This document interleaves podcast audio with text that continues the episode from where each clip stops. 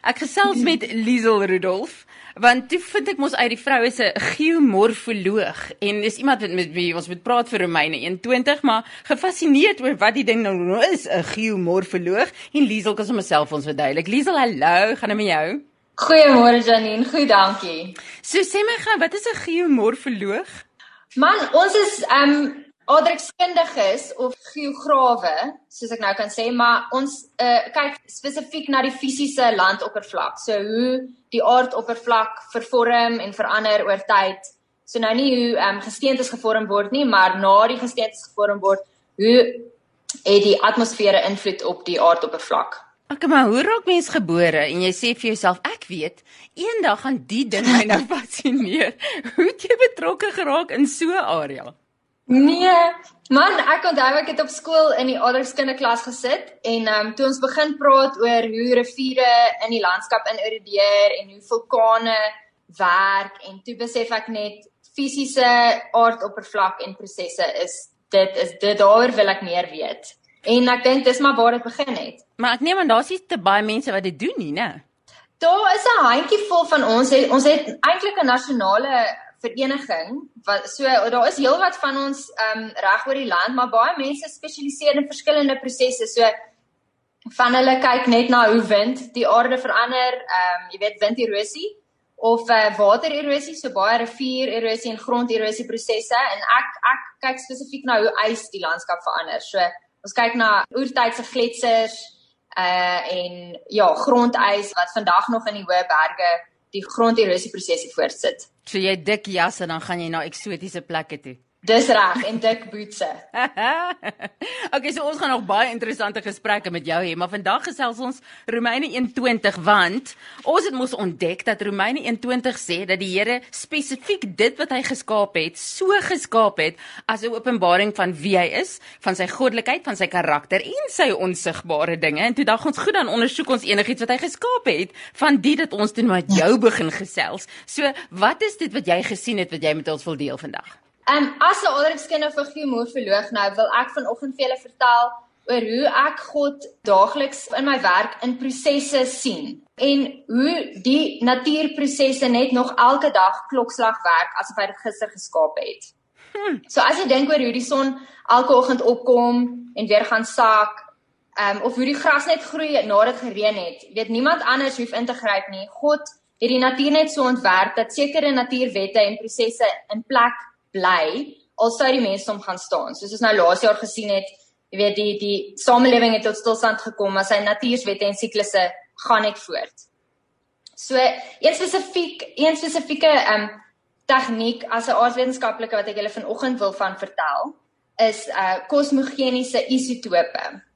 Nou wat hierdie is is ehm um, klein deeltjies wat in die buiteruim of so te sê kosmos ontstaan wat van hoë energie energie beskik, bots gedurig met die aarde soos wat ons deur die kosmos wentel.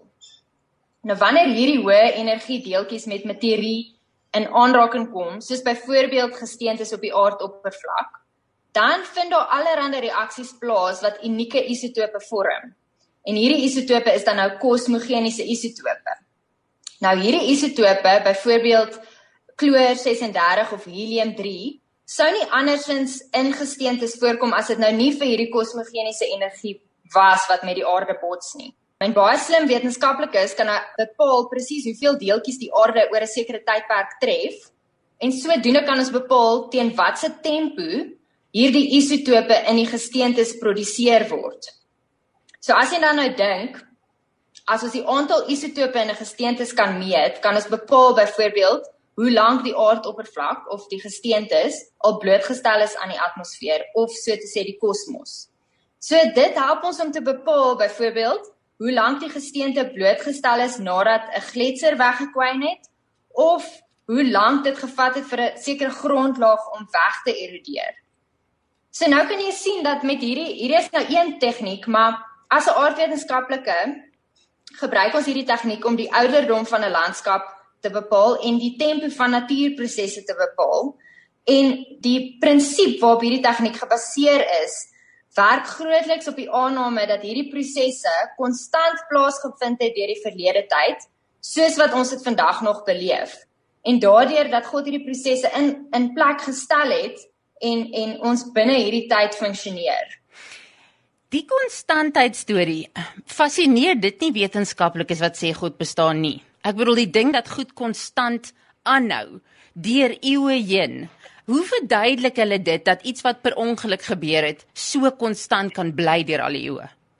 Ja, die die konstantheid, dit is 'n interessante onderwerp want die konstantheid kan ons in sekere prosesse sien, maar ook nie alle prosesse nie. So daar is sekere goed wat soos ek genoem het, ons neem aan dat hierdie prosesse konstant plaasgevind het soos wat ons dit vandag beleef. Nou 'n wetenskaplike soek daai konstantheid. So soos jy sê, dit is dis soms moeilik vir iemand wat nie in die Here glo nie om te kan dink dat daar was 'n tyd waar daar niks was nie en toe God gepraat het, toe is daar skielik iets, want vir hulle moet daar 'n konstante proses wees om sodoende ook die die ontwikkeling of hoe kan ek sê die vorming van die aarde te te verduidelik as daar nie 'n God in die prentjie is nie.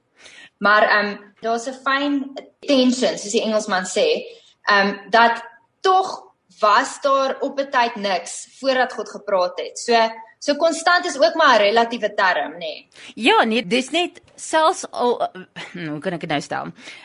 Ek neem nou aan ja, uh, iemand wat sê daar is nie 'n God nie. Sê mos nou dat evolusie het gebeur van van niks af was daar een of ander ontploffing wat gebeur het ja. en, en toe het per ongeluk 'n lot goeters gebeur. Gee dit net genoeg tyd dan sal daar genoeg goeters per ongeluk gebeur dat daar orde daar uitgeskape word en so. En wat my fascineer is dat deur al hierdie tye, al is dit selfs 'n aanname het hulle die aanname van konstantheid nodig om van die somme gemaak te kry wat ons nodig het om Absoluut. ons te bepaal. So hierdie konstantheid maak nie sin met die teorie van dinge wat per ongeluk gebeur het. Ek probeer dit vir myself ja. uitfigure, nie as 'n Christen nie, as iemand van die kant af wat nou sê, ja. dit is vir my fascinerend. Ons sit met 'n God wat gister, vandag en môre dieselfde is en hierdie proses van die begin af perfek in plek gesit het sodat dit gewerk het van dag 1 af tot nou toe, soveel sodat dit vir ons moontlik maak om 'n paar afleidings te maak. Ja, ja, nee, dit is absoluut net baie groter as wat ons eie verstand dit kan begryp. En ehm um, ja, ek sal werklik nie kan verstaan hoe die wetenskap funksioneer sonder dat daar 'n almagtige God in die prentjie is of 'n kreatiewe God in die prentjie is nie. So ja, ek moet sê dit dit vat nogal uiters geloof of ontkenning om God uit die prentjie uit te haal. Maar ehm um, Ja, ons weet ook dat in die skrif sê dit dat jy weet God het ons oë oopgemaak om hom te sien. So mense kan verstaan dat ek kan dink dit kan 'n paar verstande breek in die proses. Ja, ja, en um, eintlik wat interessant is van hierdie isotope dat ons dit regtig eers in die laaste eeu of miskien in die laaste 50 jaar ontdek het. So hierdie isotope is nog altyd daar deur die eeue heen. Ons was net nie bewus van hulle bestaan nie en soos dat ons meer leer van hulle, so kan ons meer ehm um, dit in die wetenskap toepas. En ek dink daar is net so baie goed wat ons nog nie ontdek het nie wat wat God eeue heen al in plek gesit het. Ehm um, en en weet daag mense dink nou al die mensdom is so oud, ons het al alles ontdek, maar daar is net so baie wat ons nog leer selfs uit die natuur uit. Ehm um, wat daar is en wat al eeue bestaan, ons ons weet net nog nie daarvan nie. En en hoe meer ons ontdek, hoe meer kan ons nog ontdek en hoe meer besef ons hoe min weet ons eintlik. Ek moet sê hierdie hele ding van wetenskap, ons praat ook met Roan Stein as 'n ruimtefisikus en soveel van die afleidings en die inligting wat ons vandag tot ons beskikking het, is gebaseer op goed wat 'n effek op iets anders het. 'n Tweedehandse weet wat wat ons dan nou sien o as gevolg en eers moet ons 'n teorie maak om te sê miskien is dit hoekom hierdie ding gebeur wat hier voor ons oë gebeur. Um en die Here weet dit alles nou. Hy hy hy weet dit klaar alles. Alles maak 100% sin. Ek wens ons kan begin by hom en dan van daar wetenskap ja. doen in plaas van wetenskap te probeer doen. Ja, sonder hom. Tot aan die ander kant. Nee, nou ja. maar toe, dis verskriklik interessant. So, as ons jou wil volg en 'n bietjie meer sien oor wat jy nou doen in die lewe, waar is jou goed dat ons jou kan raaktref? Ek gaan julle na Koffsie se webtuiste toe verwys en dit is uh, EFS vir University of the Free State .ac.za. En as dit ons net 'n www voor die tyd as ons reg wil daar uitkom. Dis korrek. En dan kan jy onder die geografie departement gaan kyk na watse tipe werk doen ons alles.